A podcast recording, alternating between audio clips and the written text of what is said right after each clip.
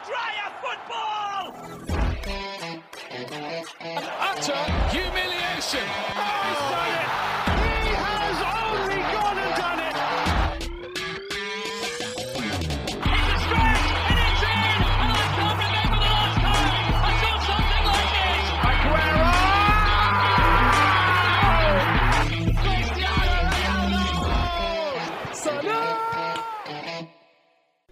Bisik Bola. Kembali lagi di Bisik Bola, sebuah podcast sepak bola yang bahas bola-bola yang bergulir mulai dari Eropa. Oh, sampai Tasik. Kita bahas secara, gempa-gempaan. tapi Tidak alergi Chef Mendy. oh, gua kira tidak lupa di record lagi. Kembali lagi bersama gua Aji. Halo teman-teman semuanya, saya Panji Dewandono dari Tasik. Kok nggak ada conen-conen-conen sih? Gak usah lah. Buat kali ini gue mau pakai bahasa Indonesia aja. Oh, oke, biar oke. tetap lokal. Panji Annyeonghaseyo yorobun, cono Panji Nida. keluar kan Panji dari Tasik yang eh, melalui sambungan telepon ya hari ini. Yes, via kabel. Tet- Assalamualaikum. Waalaikumsalam. Balik lagi sama eh, Edward Gusti di sini. Oh, Bukan Jan iya, Franco bos, lagi. bos. Edward Gusti. udah udah punya Eki Imo. fans baru kamu ya? Yoi, Edward Mendy. Iya, Three star, three clean sheet. Wow. Oke, oke, oke, oke. Cio. Asik. Kok Cio? Bal iya kan bahasa Itali. Ciao, anjing. Ciao. Cio mah anak uus anjing. Oh. Kirain pada nggak tahu. Balik lagi ke gua Ahmad Ben Smith. Ya, kita bahas secara trot-trotan. Kok jadi bahas cerot-cerotan? Oh iya, bukan Gini, PBB ya? eh, kita sudah Udah bridging aja tuh. ya? PBB lu anjing. kita mungkin apa tayang tidak di hari biasanya ya? Yes. Karena kita menunggu big match. Eh, enggak karena karena editor bisik bola bodoh kemarin. Mungkin karena kesalahan teknis. Iya, Oh. gitu. Iya. Saya melakukan kesalahan teknis yang membuat rekaman sebelumnya tidak bisa digunakan. Jadi kita Uh, ngerekam lagi. Aji, uh, di hari Aji, Minggu. uh. Padahal gak ada vibes ya. Spesial buat Anda semua. Tapi untungnya di hari Sabtu malam Minggu kemarin banyak pertandingan-pertandingan meriah. Ya, yang bisa Tuhan kita sajikan mengatur ya. itu untuk kita Ji. Eh, Alhamdulillah. Atau mungkin ini menjadi awalnya kita untuk mengubah jadwal? Tidak. Eh, Jangan. Boleh sih. Oke, kemarin itu ada El Clasico malam Yes. Minggu ya. Iya. Yes. Barca melawan eh, Madrid. Barca tuan rumah, betul? Iya. Yoi. Di Eh. Inggris juga ada El Clasico. Enggak, enggak, Bisa. L kelasnya Chelsea, Iya, iya. MU. Boleh. Iya. Kita Oke. sambung-sambungin aja. di Inggris juga ada pertandingan eh, nggak besar-besar banget sebenarnya antara Chelsea dan peringkat Oh, eh, gua lim- punya- gua punya 15, namanya. 16 gue lupa. Di Spanyol El Clasico, Ah. di Inggris El Mediocre. Saya suka banget merendahkannya tuh. El Mediocre boleh boleh boleh boleh boleh. Jadi kita mau bahas yang mana dulu nih? Tanah Spanyol dulu aja lah. Spanyol dulu ya. Debatnya agak panjang soalnya. Eh,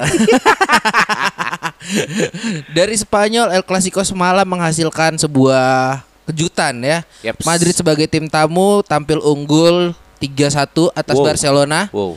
dengan gol cepat siapa? Eh, pertama Aduh. golnya Madrid. Vinicius Ah, bukan sih? Va- Valverde. Oh Valverde, Valverde. Valverde, Valverde. Valverde dan kemudian tiga menit kemudian di eh satu Dibalas. dibalas, Dibalas. langsung Dibalas satu sama. dibayar kontan Ansu Ansu Fati. Fati, Lagi-lagi ya. Eh, Ansu Fati. tapi abis itu Pak lah. game punya Madrid. Enggak, ya game punya Madrid tapi sebelum punya Madrid oh, itu uh membosankan. Tujuh. Nah, mungkin kita dari orang jauh dulu ya ini di Tasik sana. Jul, misal eh, insight-insight lu gimana nih Jul buat El Clasico kemarin Jul? Oke, kalau dari gue mungkin nggak banyak ya, karena memang menurut gue juga sebenarnya dua tim ini belum yang di performa maksimalnya. Cuma sayang sih, karena menurut gue Barcelona walaupun belum maksimal, tapi penampilannya uh, cenderung meningkat. Cuma kemarin tuh kayak nggak jelas aja mainnya. Barcelonanya ya. Barcelonanya, apalagi main di kandang, tapi kok ditai-taiin gitu. Madrid, Madrid itu mainnya nggak spesial sebenarnya, karena Oh, oke. kembali seperti kita selalu bahas, Madrid itu uh, makin ke sini nggak pernah kelihatan uh, permainan pola timnya karena memang biasanya rely sama individual brilliance aja kan. Ah. Nggak ada spesial karena tapi emang Barcelona Barcelonanya juga yang kemarin yang underperform. Kemudian kalau kita berbicara tentang Lionel eh Lionel Messi lagi. Kalau kita berbicara tentang Barcelona, Ya. tidak mungkin kita tidak membahas Lionel Messi, ya nggak sih? Oke, kenapa lagi Karena- Messi? Apa komplain Messi Anda ya buat kan ya. Messi? Messi kan subasanya ya. Iya. Eh, CR juga gitu. ya jadi Messi menurut gue kemarin kalau sepenglihatan gue ya Ya. nggak seperti biasanya dia main. Oke. Entah emang karena kita punya ekspektasi tinggi dan standar tinggi akan ke influence Lionel Messi terlalu tinggi, Hah? jadinya di saat pertandingannya emang dia nggak terlalu kelihatan banget, jadinya kayak kok underperform banget sih Lionel Messi-nya. Nah gitu. Jadi salah satu faktornya adalah memang Messi yang tidak terlalu kelihatan mainnya. Oke. Kemudian juga uh, pemilihan uh, komposisi pemain juga uh, gue komen juga nih ke Kuman nih. Ah, kenapa Uh, tuh? uh, uh, jadi ada beberapa pemain yang menurut gue harusnya nggak starting sih. Coutinho juga, uh, misalnya Coutinho nih. Coutinho memang dua pertandingan ke belakang atau dari Munchen mau dari Munchen ke sini nih udah agak meningkat ya. Ah. Cuma kalau menurut gue masih apa ya? Masih kurs dia tuh kalau dimainin di Klasiko tuh nggak tahu kenapa ya. Siapa kayak- Coutinho nih? Ah, ah, ah, masih kurang aja kalau menurut gue ya pribadi ya. Walaupun eh, sebenarnya permainannya meningkat sih. Cuma kemarin juga nggak terlalu kelihatan Coutinho nih gitu. Oke. Ah, ah, c- cuma kalau yaudah gitu sih paling Madrid juga untungnya untungnya eh, Ramos dimainin ya. Oke, oke, oke. Nih, eh, Imo kayaknya mau ngomong nih tentang El Clasico ini. Kenapa gitu, Mo? ya, tercipta sebuah rekor. Apa? Messi ah.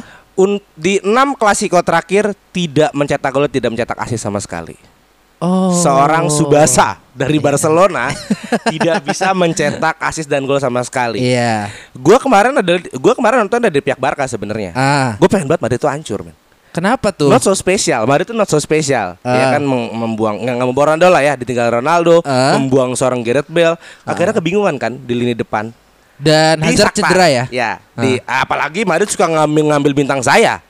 saya makin benci kan sama dua uh, tim bajingan itu. Eh. Tapi nyatanya kemarin dibayar lunas sama Madrid, men. Ya kan? Dan apalagi El Clasico kemarin gue berikan tajuk adalah The Back of the Captain Spain. Sergio Ramos kan mereka main lagi. Oh, Nyetak gol. iya, iya. Ibaratnya menyelamatkan muka Los Blancos kan Anjing gue ada kayak komentator ya Ngasih-ngasih Simbol siapa lo gue Sebutan-sebutan ya Los Blancos selamatkan oleh seorang uh, Sergio Ramos Ah. Dan juga ditambahkan lagi kemenangannya oleh uh, Bintang Madrid yang tertutup Oleh CR dan Bale Luka Modric Oh ya, Iya gol kan? ketiga berarti. Iya, Ah. pemenang Golden Ball ya, Ballon d'Or 2 tahun lalu kan. Ah, iya. Nah, inilah Madrid menunjukkan kelasnya di sini. Oh. Tapi untuk Barca jangan bersedih. Ah. Ini pelatih baru. Aku masih bela Barca ya. Ah. Ronald Koeman masih meramu taktiknya lah ya. Ah. Dan juga kemarin gue suka sih Sergio Nodes itu didebutkan. Siapa? Sergio Nodes. Des. Ah. Ya, ini didebutkan nggak terlalu bagus tapi nggak juga dibilang jelek. Eh, nggak terlalu jelek, Ah. tapi nggak bisa juga dibilang bagus. Oh. Intinya eh, ini bertahap. El Clasico mungkin El Clasico part 1 boleh milik Madrid. Ah. Tapi nanti di part 2 ya kita bisa lihat lah milik Madrid lagi juga sih. Jadi inilah eh, bayaran untuk fans-fans Madrid ya para Dede Demit Dede Demit yang baru lahir tahun 2000-an ya bahwa Zidane belum belum belum bisa dibilang untuk Zidane out. Emang lu lahir tahun berapa sih? 96. ya, soalnya kan di episode yang enggak jadi kita rilis Ah. karena suaranya bagus sekali. Ah. Itu kan saya memberikan memberikan fakta bahwa Ah. setelah Shakhtar Donetsk Ah. itu banyak tagar Zidane out. Ah Dan ya. ini dibayar lunas di El Clasico. Iya bisa sih. Dan benar kata eh, kita kemarin bahwa Zidane memang menyiapkan skuad untuk El Clasico. Ya dia lebih fokus ke El- El Clasico dulu ya. Ini Iya, kan eh, El Clasico kan bukan sekedar match bola kan. Ah. Pertarungan politik juga kan. Bu, pertarungan politik dan biasanya jadi penentu untuk juara La Liga ya. Betul. biasanya. nah inilah maksudnya Zidane menyiapkan timnya ya terbukti dengan eh, racikan mudanya Valverde yang golin ya di Ah. menit pertama. Lalu di ya walaupun ada skuad muda, gue suka banget pencampurannya ada Benzema, ada Ramos, ada Modric, tetap ada Kroos bisa dimainkan. And that's good for Madrid dan Zidane belum juga out Sebelum sebelum kita masuk ke Smith, gue mau nanya eh, Ter Stegen tuh cedera ya? cedera. Cedera lutut. Cedera. eh, nah, eh yang nah sebenarnya Barca nggak ada Ter Stegen, gue bisa bilang kipernya agak-agak kursi kemarin siapa sih penggantinya? Neto. Neto. Sebenarnya tuh gol pertama yang si siapa? Valverde. Valverde itu eh Netonya berdirinya udah bener kurang ke kanan aja dikit lagi. Ya sih. Gitu. Terus Tapi Neto juga nggak bisa bilang jelek sih. Dia itu kan ditukar guling ya waktu itu sama Cilesan ya. Karena emang ada perfor- penyelamatan. performa di Valencia-nya bagus. Eh, Tapi Iya, El Clasico. El Clasico ya. talk about El Clasico. Iya. Pasti kan pemain sebagus apa juga anjing. El Tapi ada penyelamatan yang jenius loh dia salah satunya. dari Nah, Mendy. Eh, oh, Neto, Neto, Neto. maaf, maaf, maaf. Anjing, narsis banget anjing. yang one by one sama siapa sih yang ditepak tuh gua lupa. Oh, ditangkap malah. iya, iya. Kalau nih sekalian aja Mit, kalau dari lu gimana Mit El Clasico? Kan lu sempat ngomong membosankan. Menurut lu apa yang bikin hal itu membosankan Mit di Iya. pertengahan pertandingan itu? Eh, ini Barcelona benar-benar memakaikan eh, kata-kata mutiara dari Indonesia tuh di mana adalah tamu adalah raja. Iya kan? Ya. Iya kan? Kenapa, kenapa, kenapa? Iya, karena karena Barcelona membiarkan Real Madrid sesukanya di rumahnya. Oh iya itu iya. yang bikin gue Ah. sedikit kecewa sih karena Ah. be- benar kata beberapa pandit yang gue baca Ah. eh, Kuman Kuman nggak bisa memberikan yang terbaik dalam Barcelona Belum at bisa, least- belum bisa. belum bisa at least udah beberapa pertandingan dan belum bisa menurut gue itu eh, ini bukan Barca banget karena Valverde datang di awal pun udah bisa menerapkan apa yang dia mau kan. Iya. kenapa Kuman masih sulit? Itu pertanyaan gua kan. Karena bener-bener kalau kita lihat Barca tuh nggak bermain dengan seperti yang kita harapkan. Jauh dari nama Duta Football Tiki Taka ini lebih kayak menyuplai semua lini depannya. Abis itu di lini depannya setelah dia mau ngapain. Nggak ada strukturnya Ji. Oh Iya iya kan? iya iya. Bahkan golnya Fatih pun ya murni kesalahan dari lini uh, fullback kanannya Madrid, ya kan? Hmm. Plus juga oke eh under ada perform banget sih Messi memang ada di situ Coutinho. Tapi yang gue lihat memang di sini golnya pun Madrid di menit-menit akhir gitu ya, di, Iya. di bawah Ah. babak dua menit akhir. Dan itu gue melihat karena cenderung karena kelelahan mungkin dari faktor kelelahan Barcelona ya yang kita tahu dia juga bermain dengan full tim di Champion Ah, Dan lo- lo- Madrid di- lawan apa sih? Fe- aduh lawan ini Farah Farah Farah Cros ya Fe- Ferenc Ferenc Faros. Faros. Ferenc Faros. Faros Ferenc ya Faros, ah, kan iya. setim sama gue tuh Iya iya iya iya iya. Oh iya ya. Iya sebelum- benar Iya. segrup segrup segrup. Maksud ah. gue itu capek kan ya faktor lelah dan pinternya Madrid adalah menyembunyikan beberapa pemain intinya untuk menghadapi El Clasico. Ya itu sih yang gue lihat secara bugar ya Chel- eh, Real Madrid lebih bugar. lebih bugar dan oke lah terlalu terlalu gak enak lah kita ngebahas tentang kebugaran itu ya kalau Ah. kita nggak masuk ke sedikit taktik ya. Ah. Gue melihat eh, ini ini cenderung di mana em, jual beli serangan iya, tapi faktor dari Madrid untuk melakukan skemanya itu lebih bagus daripada Barcelona sendiri. Madrid mainnya lebih counter nggak sih kemarin? Iya, lebih counter, tapi bisa kita lihat eh, setiap counter yang dia lakukan Ah. hampir 80% itu terjadi di muka gawang Barcelona. Oh bisa bisa ada tendangan Iya. ya abis Oh, itu. si Madrid beli HP. Eh, iya, Hah? di counter. Oh iya. Anjing. Kita lu udah lama lu nggak nggak pernah ngejokes kayak gini lu. Kayaknya sih udah nggak boleh. Ini apa eh, mungkin karena vibe studionya aja kita deh. Ay, mungkin sih ya, tapi yang gue lihat memang ini tamu ada tamu adalah raja. Gue lihat itu di Barca banget. Kayak Barca nggak mau nggak niat main, coy. Lu bisa lihat beberapa passing dari Messi ataupun dari Coutinho itu mati. Bahkan bisa diambil gitu aja oleh muda dari pemain Madrid. Berarti kan memang ada sesuatu hal yang nggak berjalan dengan baik di Kuman kan. Ah, Entah iya, iya, memang iya. Kuman yang menerapinya nggak bisa atau pemainnya yang belum siap untuk menerapi nerapi apa yang Kuman mau. Kuman mau, Iya, ah. mungkin butuh waktu ya. Iya. Tapi untuk ini sekelas El Clasico mungkin ini El Clasico pertama kali yang bisa gue bilang membosankan. Yang gue tonton oke, juga Oke, mungkin. oke, oke. Nah, kalau dari gue sendiri sih untuk pertandingan ini ya Madrid itu eh, mengkonter Barca habis-habisan ya. Iya. Barca itu dibuat apa ya? Dibuat gue nggak bisa bilang mati kutu cuma eh, roh permainan Barca tidak keluar. Mungkin karena salah satunya Lionel Messi-nya juga ya yang udah termakan usia. Ya, bukan mungkin dia lagi underperform kali ya. Iya Entahlah, bisa apalah. jadi. Tapi kalau menurut gue ya mengorbankan Fenerbahce untuk menang El Clasico it's Bukan a- Fenerbahce. Eh, Shakhtar. Shakhtar ya? Oh, Eh, salah, salah. Oh, sorry, iya. sorry. Kan saya ini host tidak kompeten. Iya, iya. Mo- mengorbankan Shakhtar Shakhtar tuh kalian 3-2 bukan sih? 3-2, 3-2. 3-2. Ya nggak defisit-defisit gol banget ya. Iyalah. Tapi menang la- El Clasico 3-1. lumayan loh Mm-mm. ininya untuk mengamankan posisi. Setahu gue tuh Madrid tuh eh, di pucuk klasmen ya semalam.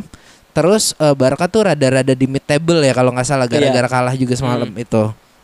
Ini sebuah bukan gue nggak nggak bisa bilang season yang baik cuma start yang bagus ya di liga Iya. walaupun awalnya masih terseok-seok dan kedua tim juga masih mencari komposisi cuma menurut gua Madrid akan eh, punya jalan yang lebih mulus lah untuk ke apa ke, Ke season, terakhir selanjutnya, ah, iya. karena memang Zidane pun masih di situ ya Ji. Iya. Betul gue setuju dengan lu.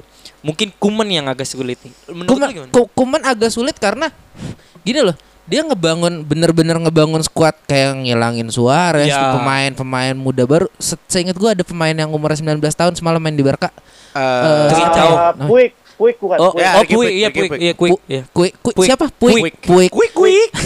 Puig. Mungkin dia belum punya mental sehebat eh, siapa?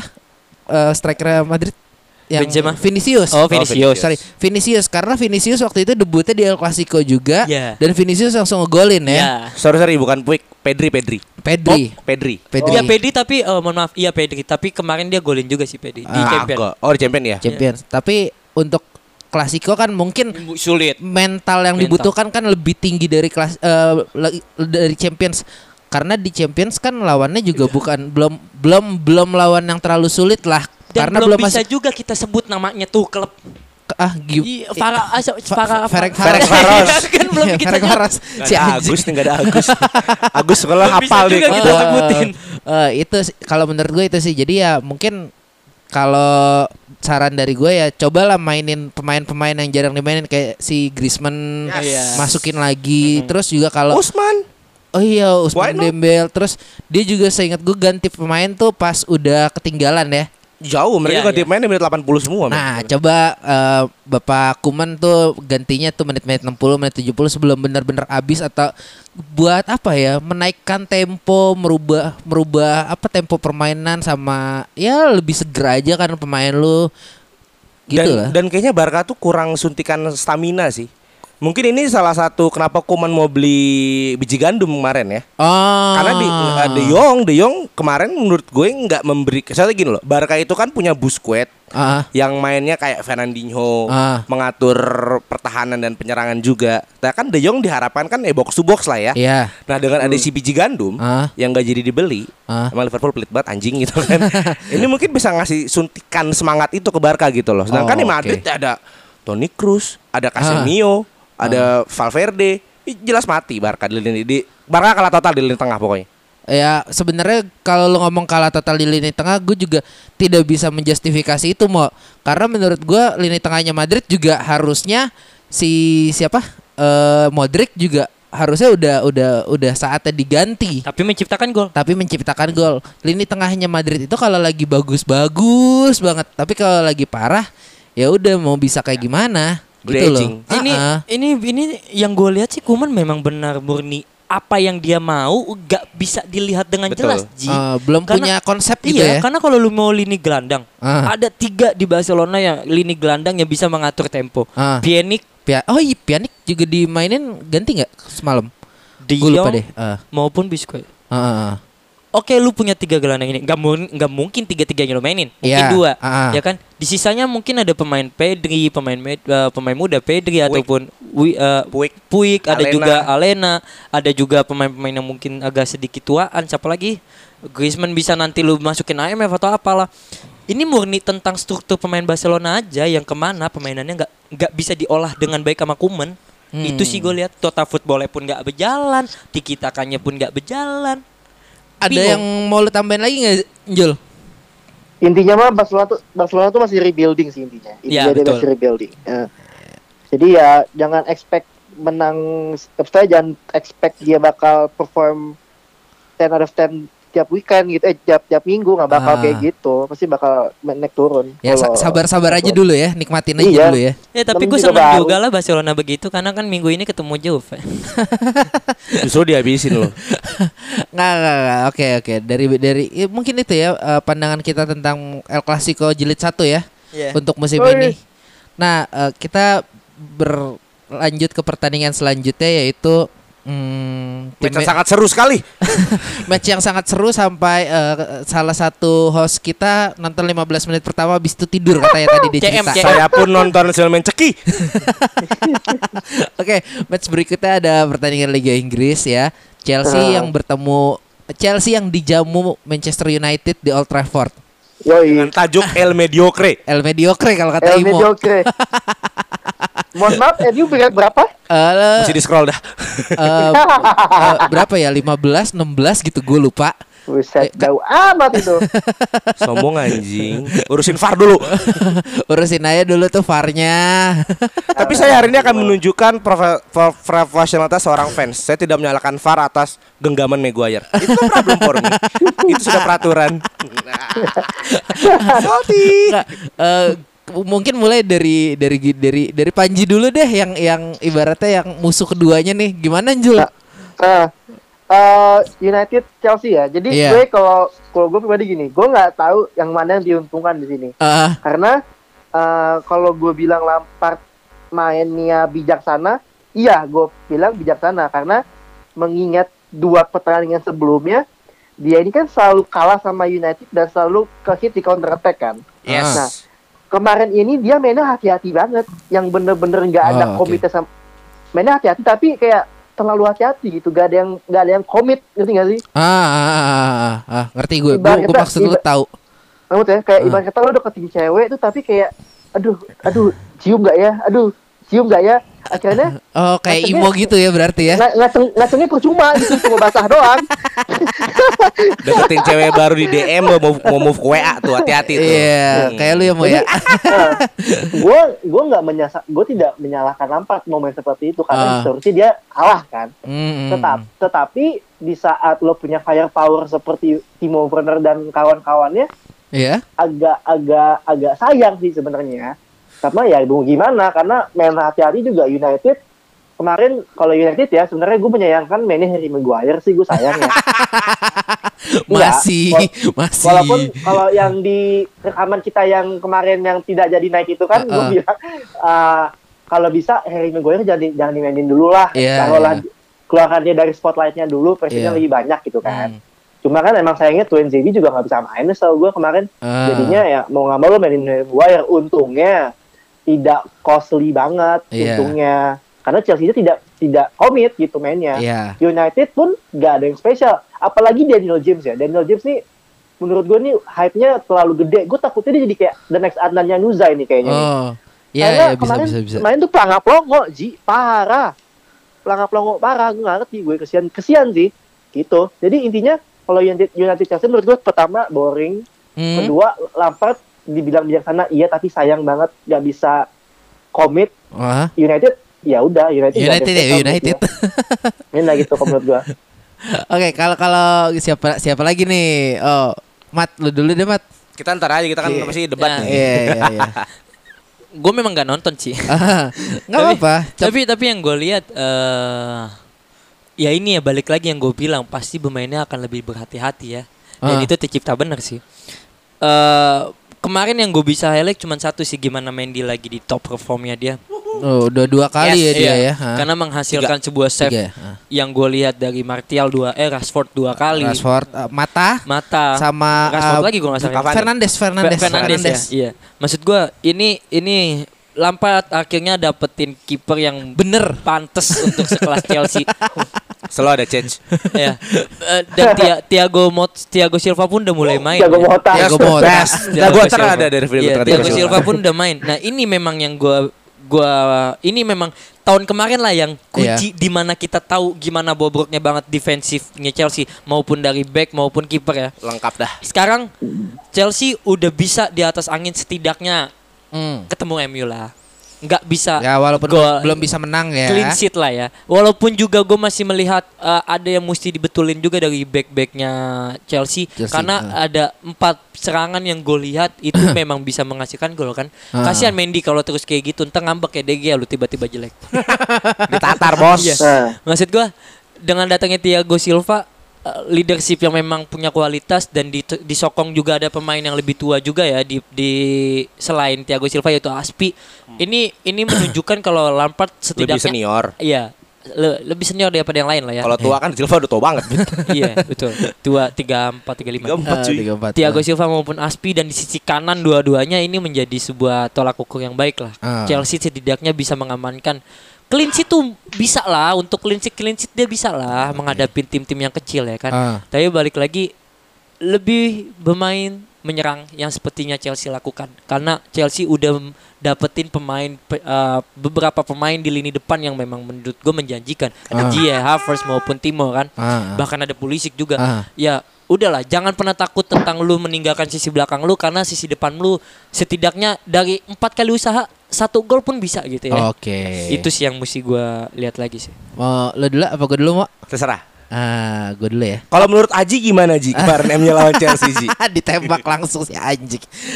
Kalau menurut gue MU Chelsea itu adalah sebuah apa ya? Gue ngomong ya permainan sepak bola konservatif dari kedua tim ya. Konservatif. iya konservatif cuy. Lo Sayap kanan. di di saat eh, kedua tim ini sedang masih mencari form, gue masih bilang mencari form ya. Iya, sayap kanan. Jangan ke politik dong, tolong. Yang lain aja. iya. Eh, ini eh, Chelsea itu lini belakangnya solid, Yes. sangat solid. Tetapi MU juga bisa ngepres dengan bagus di lini depannya karena yang ya kita tahu lini belakangnya MU adalah sampah itu sebuah fakta ya. Lo nggak bisa mendinai itu eh, kecuali waktu lawan PSG kemarin itu nggak sampah karena nggak ada Maguire ya kalau nggak salah. Eh, itu kedua eh, di pertandingan ini tuh gua sebenarnya yang mau gue garis bawahi itu adalah Paul Pogba. Eh, Paul Pogba pas diganti pas main itu Impact, dia man. eh, gua nggak ngomong impact mau dia main kayak orang males-malesan mau Oke. itu apa ya gue malah lebih respect ke Cavani yang dia mau stand out mau mau show off bahwa eh, ya lu nggak ada salahnya eh, nge-hire gue sebagai striker gitu loh Dengan tapi gratis. eh, eh, tapi nggak bisa dipungkiri juga kiper lu si siapa Mendy Edward Tifak Ed- Dalam. Edward Mendy itu Iya. sangat sangat oke banget di dua gua gua nggak tahu Tiga pertama tuh dia Sevilla. Pertama Tottenham. pertama Tottenham Kemarin lawan Sevilla. Hah? Dan besok eh kemar tadi lawan, lawan MU. MU. Gue Tiga cuma gue gue cuma tahu yang lawan Sevilla sama lawan MU ya yang gue perhatiin. Menurut gue eh, Mendy adalah pembelian yang bagus, sangat bagus dan untuk mencadangkan eh, siapa? Kepa Arrizabalaga. Ah, Keke Pak Ariza Balaga adalah keputusan yang tepat dan ya udah gunakan Mendy sebaik mungkin. Karena gimana ya gue ngomongnya kalau lu ngomong MU ma- mau penetrasi ke depan gitu ngebres di kotak kemarin peluangnya MU tendangan dari second line semua cuy. Yes. lu nggak nggak itu tuh masalah narik gue nggak tahu ya masalah narik pemain belakang tuh buat nge-switch atau eh, buat out, out of position itu di MU tuh masih nggak ada loh sampai Walaupun sekarang satu ada Ji Ramsey eh Rashford pertama Ramsey. di babak pertama kan sempet Ya, ya, ya. one by one lawan Iya. Mendy dan itu Mendy nunjukin kelasnya. Yang kakinya apa? Iya, kena kaki, kaki, iya. ya. iya itu itu yang yang yang gue masih belum ketemu gimana caranya nih si MU untuk bisa penetrasi ke dalam yang bener-bener kayak waktu apa ya waktu dulu lah mainnya kayak gitu waktu ada Rooney atau ada Ronaldo yang bisa masuk ke dalam Jadul betul. Ah, ah, so- Jauh. so- jauh ya jauh lah jelas Oh, kalau kita ngomong sekarang. ya itu sih dari gue. Tapi mungkin kemarin coba eh, Ole nggak masang kayak Van de Beek nggak dipasang si Teles inget gue nggak dipasang ya. Pasang kiri.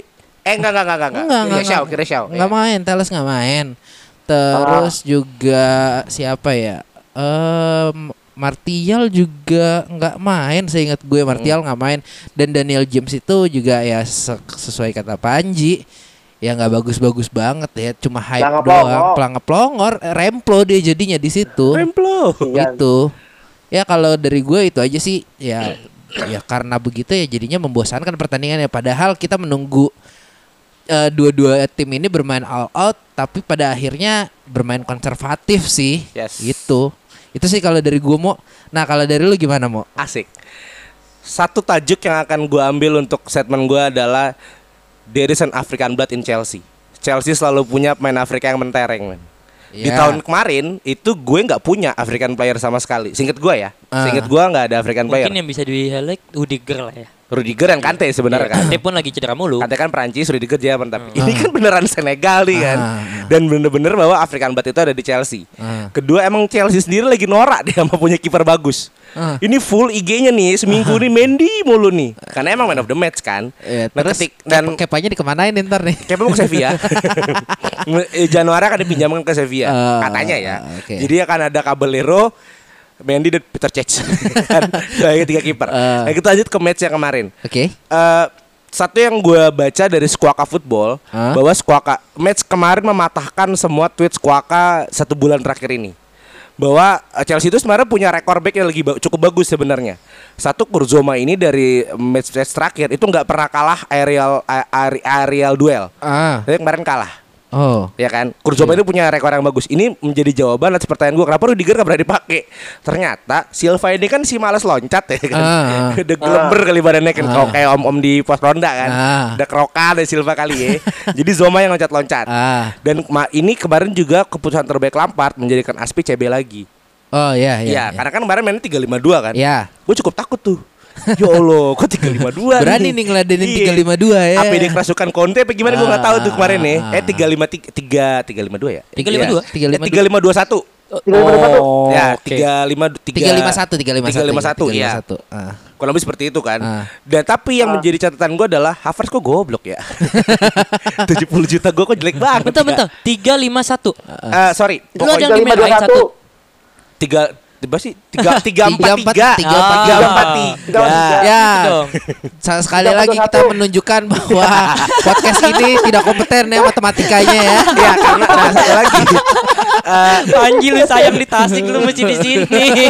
tiga empat tiga Eh, tolong dikat Iya. ya Enggak ada Nah. dikat-dikat. dan apa yang gue suka adalah Wah, gue punya dua wingback yang sangat bagus, man. Eh, Ben Chilwell dan Reece James. Chilwell, Chilwell, Reece Ya. James. eh. Akhirnya Chelsea punya English player yang bisa hang on, man. Ah. Ini kan udah England kan. Ah. Dan terbukti lah Reece James dipanggil ke timnas karena punya kualitas. Iya. Tapi Ya. yang satu yang gue sorot, yang sangat gue takuti adalah ini pemain-pemain mahal gue kok nggak nggak perform gitu ya. iya. Havertz jelek banget, man. Jia gimana mau? Dia kemarin main, Main. tapi di titik terakhir Ditaruh mana? di kanan. Gantiin? Havertz.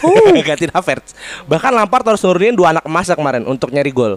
Iya. Tammy Abraham sama Mason Mount. Oke. Oke. Nah, yang harapan ke depannya buat gue ya, ini ini baru dari Chelsea ya. Ke depan untuk gue adalah gue pengen banget ngeliat Abraham main lagi. Ah. Ya, ternyata Werner tidak bisa diandalkan untuk cari ruang, ya kan? Nggak ada pantulan dari Werner. Ah. Pulisic dan Werner menjadi winger. Pulisic kan Oh. bisa kanan kan? Iya, nah, iya, iya. tapi ke mana gitu kan? Dia hanya dijual kalau nggak di bench. Jangan. Nah, inilah inilah tantangan Lampard yang terlalu beli gila-gilaan. Dari MU-nya yang gue soroti, Ah. Oleh kan terkenal nih reaktif football. Ah. Kemarin kok nggak reaktif-reaktif amat Ya, ya? karena Karena karena mainnya karena ini. dikasih nggak Apa? dikasih sama Chelsea mo. Iya. Oh iya sih. Chelsea-nya nggak komitmen ya. Ah, Itu. enggak ya gue bilang konservatif dua-duanya aman mainnya dua-duanya. Ya, itu satu untuk MU. Kedua, ya gue sebagai fans profesional yang mengikuti aturan sepak bola, Ah. nggak apa-apa lah kemarin Maguire nge, nge, nge-grab lehernya Aspilicueta nggak penalti, it's no problem for me. Ya. Walaupun itu sebetulnya ada indikasi untuk pelanggaran. Pelanggaran kan jelas itu. VAR wasit udah bilang ya udahlah ya. Sorry Ji Salty. Kena deh lu. itu jarak situ sebenarnya. Tapi itu harusnya pelanggaran. Ah. Dan akhirnya Chelsea menutup tiket penalti MU ya. Iya. Nggak ada penalti kemarin. Penalti, ah. Tapi yang sangat gue soroti ya ini udah growth Ah. dari Lampardnya ya. Iya. Lampard udah mulai growth, mulai eh, ya Lampard lah 10 match. Gua akan nilai Lampard bagus atau enggak tuh 10 match Hah? untuk musim ini, Ini ya. ah, ya. Karena kan baru beli pemain, Iya. meramu permainan. Heeh. Oke. 10 match ini dan feeling gua adalah formasinya akan ditetapkan terus selama 5 match ke depan. Oke, Ah. kalau gua gua Halo. punya pertanyaan untuk lu bertiga nih ya. Yes. Ah. Karena tahun kemarin untuk lu berdua sih sebetulnya. Ah. Tahun kemarin memang skuad dari lu dari tim lu berdua tuh nggak memadai. Iya. Tapi yang gue bisa lihat skuad dari tahun tahun kemarin dan ke tahun sekarang, lu memang lagi tinggi tingginya banget. Lu datengin pemain yang memang punya kualitas semuanya. Yes. Sekarang gue tanya sama lu, ketika lu udah punya skuad kayak gini, kenapa pelatih lu jadi melempem? Kalau gua gua jawab kali ya. Iya, Iya, iya, lu- boleh. lu silakan, berdua. Silakan. Kalau menurut gue Lampard di musim kemarin enaknya adalah uh, pemain-pemain ini menurut Iya. karena dari akademi Mm-mm. anak kemarin sore Dan kan apa pun juga karena diikutin. auranya Lampard Iya, ya. dan seorang Lampard. Mm. Di musim ini Lampard beli pemain yang buat gue mahal. Ini adalah kejadian ketika Havertz tuh udah mulai ngeluh sebenarnya. Ya. Karena nggak perform. Salah dia dia ngeluh, goblok emang anak muda ya kan. ini kejadian ketika Pulisic ngeluh sama Lampard nggak dimain-mainin sebagai starter. Bahwa Lampard udah bilang ke Havertz, "Lu itu pemain muda, Oh, iya. jadi gua mau ngero- ngerotasi lu nih. Jadi sebenarnya Havertz ini dimainin terus, ya kan harga juga ya. Harga juga dan tuntutan dari board sebenarnya untuk dimainin. Iya, pasti. Gue pengennya di match ke depan Havertz gak dimainin dulu sih. Mon lagi. Dan apa yang paling penting untuk Lampard entah formulanya atau formasinya? Lu masih percaya dengan formasi yang Lampard? Gue masih percaya. Cuman Lampard kan kemarin eh, kita kenal sebagai pelatih dengan penyerangan terbaik. Iya, betul. Pertahanan yang buruk. Iya. Karena kebalikan bos. Pertahanannya cakep banget. Iya. Penyerangan titit. Berarti ada ada sedikit masukan buat lu? masukan gua buat gua buat gua ke depannya ya, Iya. buat Lampard ya. Lampard semoga Anda denger ya, di Iya. translate aja nanti bahwa mainkan formula penyerangan musim kemarin Hmm. dengan pertahanan yang sudah sebaik ini. Nah, Itu iya. buat Lampard. Dan Iya. balik lagi, Werner jangan jadi penyerang, Werner jadi winger aja. Oke. Penyerangnya Tammy Abraham ya. Kalau nggak Giroud. Iya. Nah, Giroud karena, cakep tuh. Karena mau gue setuju dengan Imo, itu juga yang gue pikirin. Dia udah punya defense yang lebih baik. Kenapa nggak bermain seperti biasa? Balik ke MU. Ah. Squad lu tinggi Ji. Iya. Lu tinggi. Ah, A- apa yang bener-bener lu pengen untuk sajikan ah, eh, untuk soldier sajikan ke lu? gua gua gua masih nggak bisa menikmati sepak bolanya Solskjaer sampai sekarang ya. Iya. Jujur aja jujur dengan walaupun dengan lu bilang pemain materinya Iya, tinggi ya, gua nggak bisa. Gue gue cuma bisa menikmati eh, permainan Solskjaer itu waktu kemarin lawan Newcastle ya. Tuh ya. Oh. Gue gue sering Iya, ngobrol sama lu kan iya. di luar podcast Iya, betul. bahwa ada satu gol di Newcastle yang eh, dimulai dari Van de Beek dan berakhir di Bruno Fernandes Iya. itu itu bagus banget anjing. Gue nggak tahu MU tuh harusnya main satu sentuhan yang cepet tek tek tek Oh, tek oke. tek gitu. Itu tuh sebuah hal yang hilang gitu yang counter attack-nya yang bener-bener nih emang bener-bener orang nggak siap di counter se counter itu gitu loh. Karena memanfaatkan penyerang lu juga yang Iya. eh, tinggi dengan speednya kan. Heeh. dan dan gue gue ngerasa eh, apa ya lini tengah gue tuh walaupun ada Bruno Fernandes tuh kayak ini Bruno Fernandes gue nggak tahu ya mungkin egonya dia atau gimana cuma cobalah bermain lebih sabar sedikit untuk lu cari lu lihat dulu temen lu ada di mana karena biasanya flanknya United itu adalah eh, pemain-pemain yang bagus dari dulu loh Iya betul. Walau kemarin data statistik seingat gue ya emang gue bisa menguasai penyerangan dari tengah tuh lebih baik daripada Chelsea. Ya. Cuma eh, ada satu saat di eh, lini kiri kanannya tuh Hmm. agak-agak agak shaky dan dan menurut gue itu itu nggak boleh karena biasanya emang MU kan mainnya gitu kan. Mesti stabil. Mesti stabil di di, di kiri kanan dulu, Iya. baru ntar paling ke tengah baru nusuk gitu kan Iya. itu itu yang yang yang mungkin buat gue masih kurang berkenan kalau kita ngomong reaction football ya lu kalau sepak bola yang sama-sama bermain aman seperti kemarin ya gue nggak bisa mengharapkan reaction football di Ya, situ betul. karena eh, reaction football itu bisa kalau lawannya misalnya agresif Iya. dan itu yang menjadi permasalahan dari kemarin kan Hmm. Eh, mungkin eh, Oleh harus lebih berani untuk mengubah taktiknya ya Ini Bukan, yang gue tunggu. ini Ini yang gue tunggu. Taktik ya udah lu lu jangan reaction football lah lu sekali sekali lu ngepres lah ngepres banget anjing dulu zamannya Alex Ferguson lu tau lah eh, MU bisa ngepres kayak gimana ya sekarang lu kalau di press counter gitu doang ya mampus aja lu anjing Nggak memanfaatkan skuad yang ada. ya. iya striker lu bagus lini tengahnya bisa nendang dari apa lini kedua Iya. ya kenapa nggak dibombardir aja sekalian anjing Sekarang dari Panji, apa yang lu bisa highlight dari ini berdua aja? VAR. nggak nggak ada kembali tadi gue bilang karena dua-duanya mainnya hati-hati jadi kayak nggak ada yang apa Dan ya apa yang mesti dibenarkan dari dua klub ini?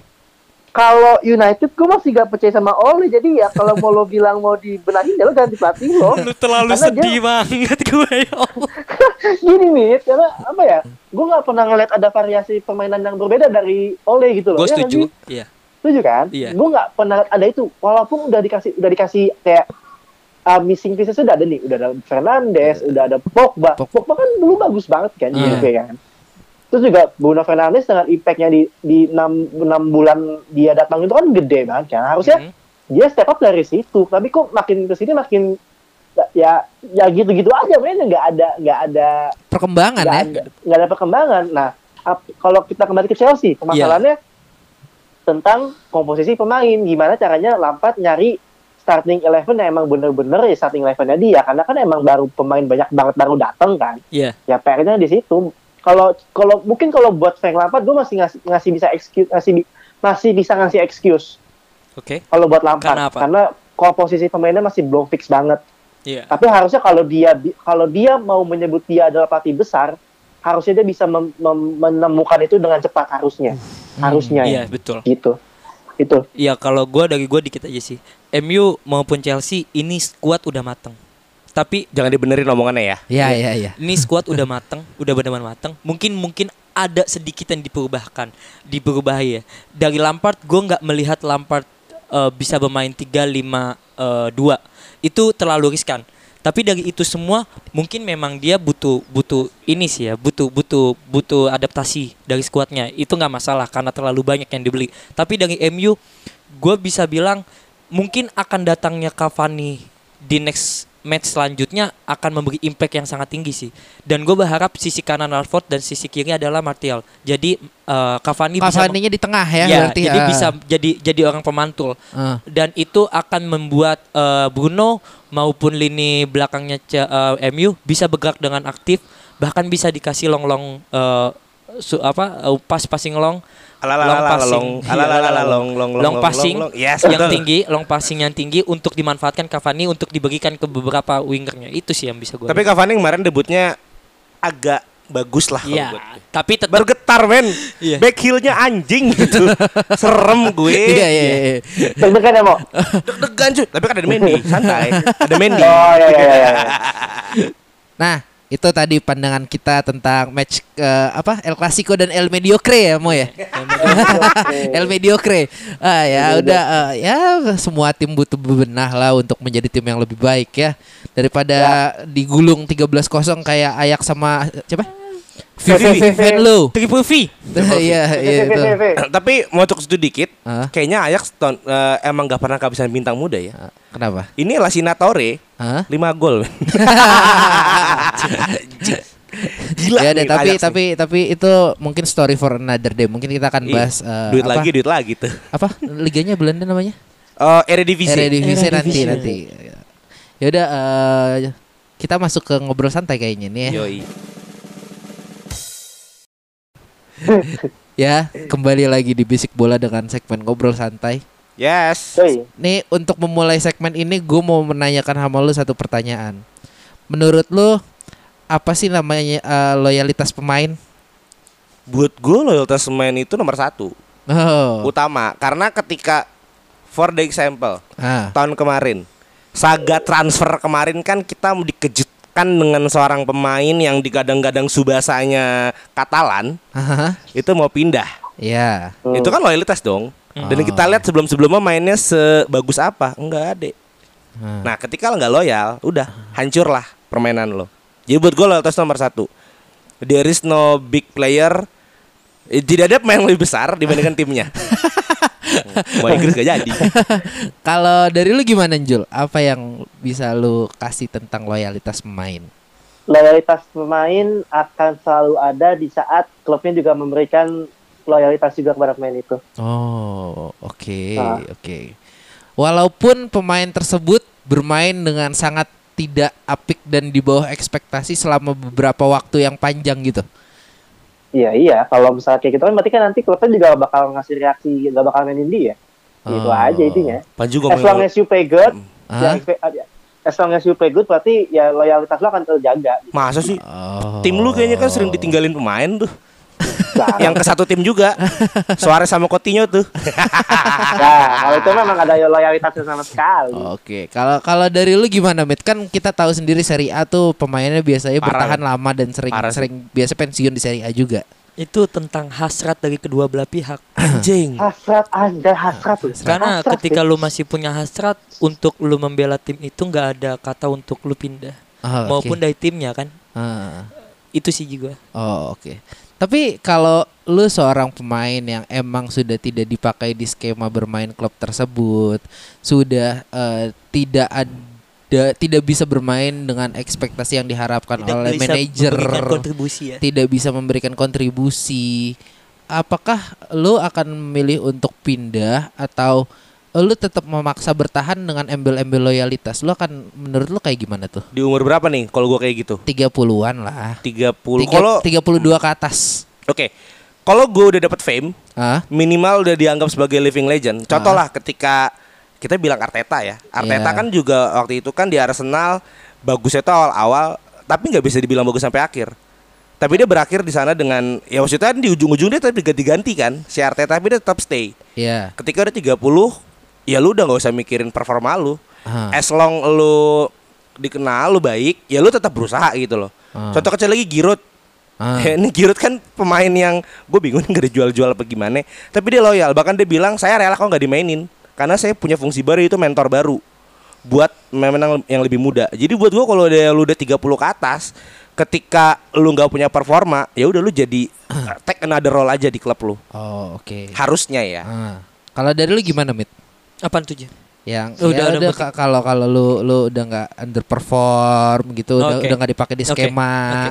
Itu tergantung hasrat sih. Ah. Ketika hasrat gue masih ada untuk membela tim itu, gue mau menyajikan sesuatu hal yang bisa dipercaya Hmm, sama oke. orang yang awalnya tidak percaya gue. Oke. Contohnya gue akan bekerja lebih keras. Kalau memang gue punya hasrat ya di situ. Iya. Tapi kalau gue udah nggak punya hasrat di situ, lebih baik gue pindah. Oh, Karena oke. balik lagi bukan tentang uang sih. Ah. Sepak bola yang gue lihat, Iya, iya, itu iya. tentang hobi kan. Ah. Di mana lu selalu mau di selalu mau terjun langsung di pertandingan kan. Oh, oke. Itu sih.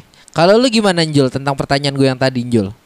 Kalau tentang itu ya intinya di saat lo udah nggak dipakai atau lo underperform ya lo harus memperbaiki itu di eh, pas lo training lagi training ground aja karena pelatih itu bakal ngeliat lo di sana Iya sih. Kan kalau kalau kita ngomong tentang underperform ya kita let's say lah lo lagi nggak main nih kan lo nggak di starting eleven Ah, ya pelatih lo nggak bakal ngeliat lo main tapi kalau lagi training kan dia bakal ngeliat lo terus kan gimana attitude lo Iya. gimana kerja keras lu, gimana reaksi lu setelah lu di drop dari starting eleven.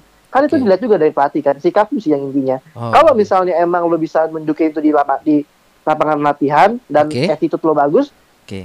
Sooner or later harusnya pelatih lu bakal membayar hal itu sih dengan kepercayaan kembali. Iya, Oh. Harusnya. Minimal ya. Oke, oke, oke. Tapi ya di saat lo mendimainin lagi ya lo harus perform intinya gitu. Eh, eh, pernyataan-pernyataan kalian tuh menarik sebenarnya. Tapi gue mau mungkin ini sebuah kisah yang apa ya? Gue bilang tragis juga nggak bisa. Mau dibilang pansos juga gue nggak nggak tahu intensinya dia seperti apa ya. Tragis. Kita ngomong tentang eh, Mesut Ozil. Bridging yang bagus Seno Haji. Mesut Mesut Mesut Ozil ini sedang gue ngomongnya sedang limbung ya di Arsenal ya. Dia sudah lama tidak dimainkan. Eh, Kadang-kadang juga kalaupun terakhir dimainkan juga agak kurang underperform dan sepertinya hubungannya dengan klub juga sedang jelek ya. Ya. Eh, ada yang bisa menjelaskan nggak sih kenapa sih emangnya Ozil sampai kayak gini? Ozil eh, dia eh, tercatat 8 bulan yang lalu baru main ya. Eh, terakhir Di main. terakhir mainnya. Ah, Bahkan di terakhir mainnya pun dia masih bisa menyumbangkan asis. Iya. Gue melihat Lawan siapa ini tuh? Aduh, jangan ditanya lawan 8 siapa. bulan. Aku gue lupa, gue lupa lawan siapa ya? Gue lupa. Eh, Eh, yang gue lihat nih Ozil murni gue nggak tahu emang ada indikasi lain di antara dia bersama klubnya atau enggak ya karena ada Ah. yang bilang tentang pemotongan gaji yang dia nggak mau ah, karena pemotongan gaji dia nggak mau itu karena dia menanyai ah. "Pa- potongan gajinya itu alirannya akan ke mana dan Iya. klub nggak siap untuk menjawab itu sampainya dia nggak mau sampai Oke. nah kedua eh, murni bukan dia masalah latihan karena masalah latihan pun dia nggak punya masalah dengan itu tepat Iya. waktu dan lain-lain Hmm. ini mungkin Arteta pun bilang, Arteta pun sa- sa- sampai berstatement ya, kalau di minggu kemarin, kalau emang ada eh, masalah Ozil di tidak mainkan di Liga Inggris, tidak terdaftar ya di Iya. Liga Inggris maupun di Liga Champion, itu murni karena saya, keputusan saya. Oke. Nah, berarti gue meng-highlight nih berarti ada sesuatu hal yang memang murni murni banget eh, ada indikasi peperangan antara Ozil ap- eh, bersama klub. Ah. Oh. Karena gue tahu Arteta itu statement waktu sebelum dia ngelatih Arsenal, dia bilang ketika dia mau jadi latih Arsenal, latih Arsenal, Ozil akan ada menjadi tulang punggungnya dia.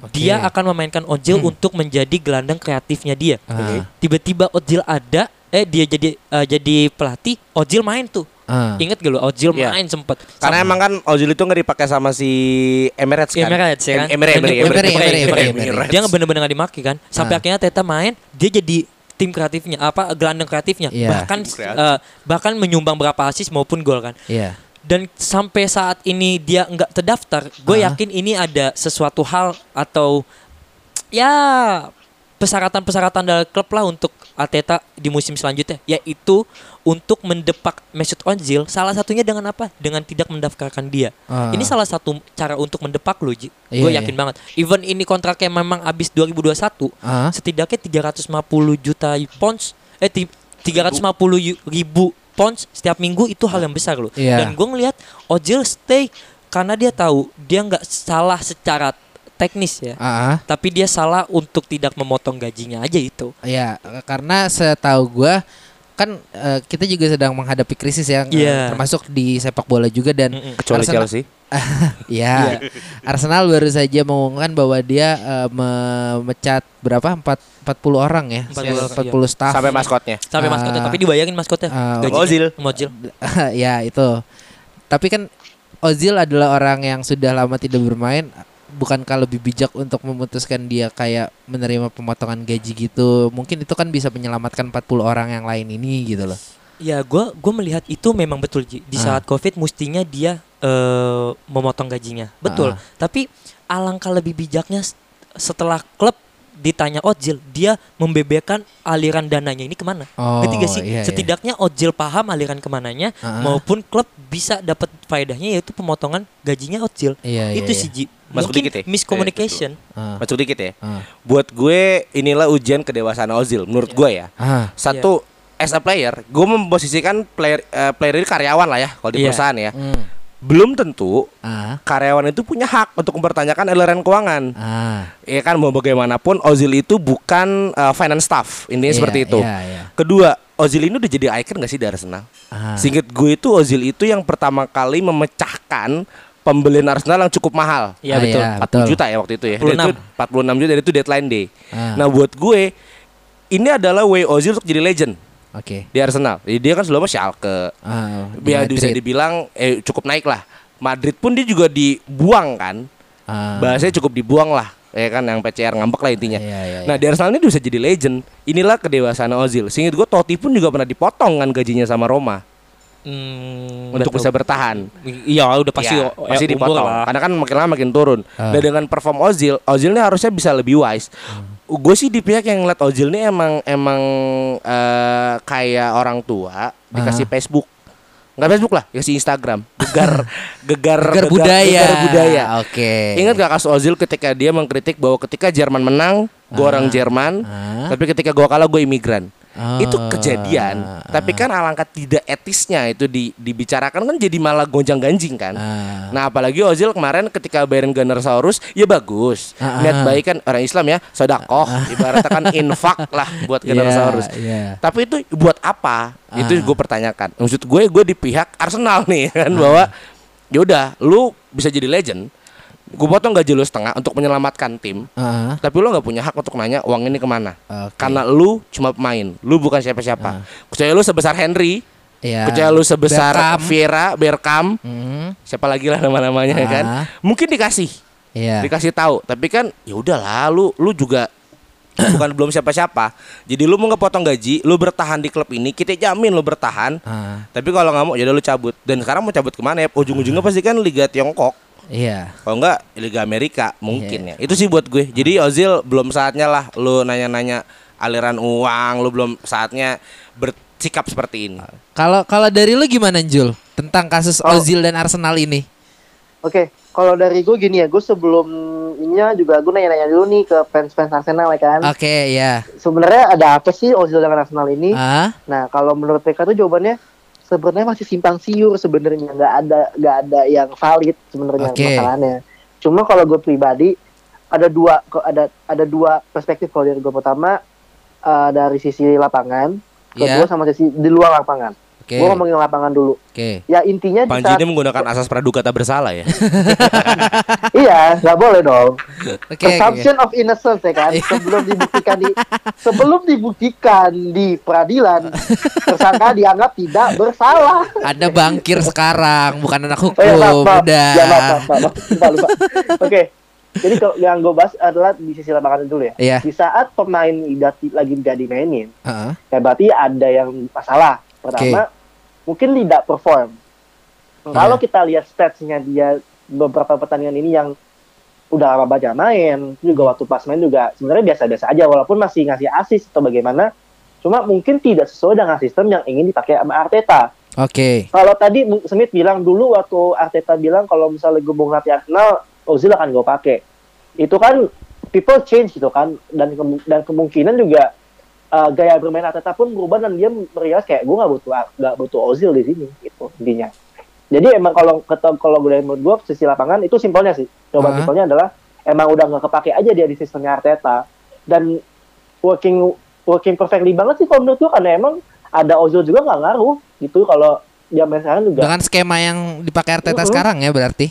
Iya karena uh, to tell you the truth, Arsenal doing just fine aja sih kalau menurut gue. Ah. Kalau di lapangan ya. Nah, Iya, yang kedua iya. adalah sisi luar lapangannya. ah. Yang ingin gua highlight adalah bukan bukan hubungan dia dengan uh, manajemen atau atau beberapa keputusan-keputusan dia yang mendukung uh, politik mana-mana. Iya. Ini ini purely duit sih kalau menurut gua kalau gua ngeliat ini purely duit. Kita kita menyadari bahwasanya saat ini duit di bola lagi susah banget buat Ah. klub-klub Eropa. Iya. kan? Kecuali Chelsea. Pemasukan tidak duit tidak semas- masuk ke se- seperti biasanya. Ada Ah. beberapa cut and loss lah intinya bisa dibilang seperti itu. Oke. Kemudian Ozil yang bisa dibilang salah satu biggest earner di Arsenal yang udah nggak dipakai ya mau nggak mau harus dihilangkan nih dari budgetingnya si Arsenal nih. Gimana Hmm. caranya nih? Padahal uh, gimana caranya kita ngilangin dia? Itu adalah jangan menjual kan intinya karena masalahnya Iya. yang mau beli Ozil siapa sekarang gitu loh. Gajinya gede banget. Siapa Mitra yang Kukar mau beli kayak Mitra Kukar. Nggak, ber- ber- berarti kalau kalau kita ngomong permasalahan gaji sebenarnya gue punya satu contoh kasus yang lumayan eh, sama ya. Di Hmm. saat dia sudah tidak terpakai, dia pindah untuk dipinjemin dan dibeli. Gerard Bell. Bukan bukan Gareth Bale doang.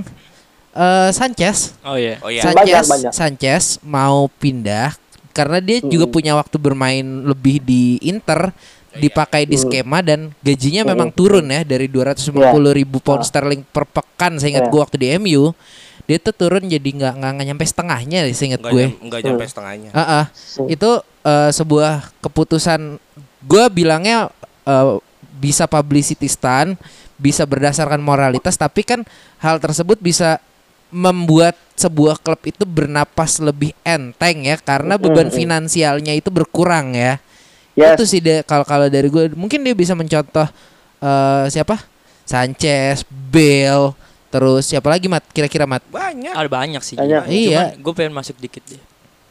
Gua gua masih menganggap Mesut Ozil ini eh, seniman lapangan bola yang memang punya kualitas. Karena kenapa dibilang seniman? Ingat dong eh, beberapa pemain zaman dulu tuh selalu dibilangnya Kezi dan Pirlo Maestro. Ah, Eh, memang sekarang peralihan dari zaman klasik menjadi ke modern. iya Eh, ini statementnya Arsene Wenger yang gue gunain. Ozil adalah sebuah seniman sepak bola, tapi dia teralihkan karena sebuah sistem modern yang yang terlihat dan nampak jelas di sepak bola. Ini udah zamannya era modern, di mana lu diadu, eh, di mana fisik menjadi utama. ah, Kita tahu Mesut Ozil tuh males-malesan, iya tapi ketika dia, dia megang bola, dia adalah senimannya. Itu yang memang menjadi hal yang menurut gua Arsenal kenapa pengen banget depak dia. ah, Satu karena etos kerjanya yang kurang. ah, Eh, Dia jarang banget buat lari, tapi kalau Iya. udah megang bola oke lah ah. itu itu menjadi ini nih sinyal gue makin kuat di mana Ozil pengen banget banget di depak. Ah, ya oke, kita lihat di Januari aja. oke. Ah, Oke. Gue masih statement gue masih gue percaya dengan statement gue kalau di Januari Ozil dari sekarang sampai Januari Ozil masih bagus, berarti dia punya daftar list untuk digunain lagi di liga maupun di champion ya. Oke.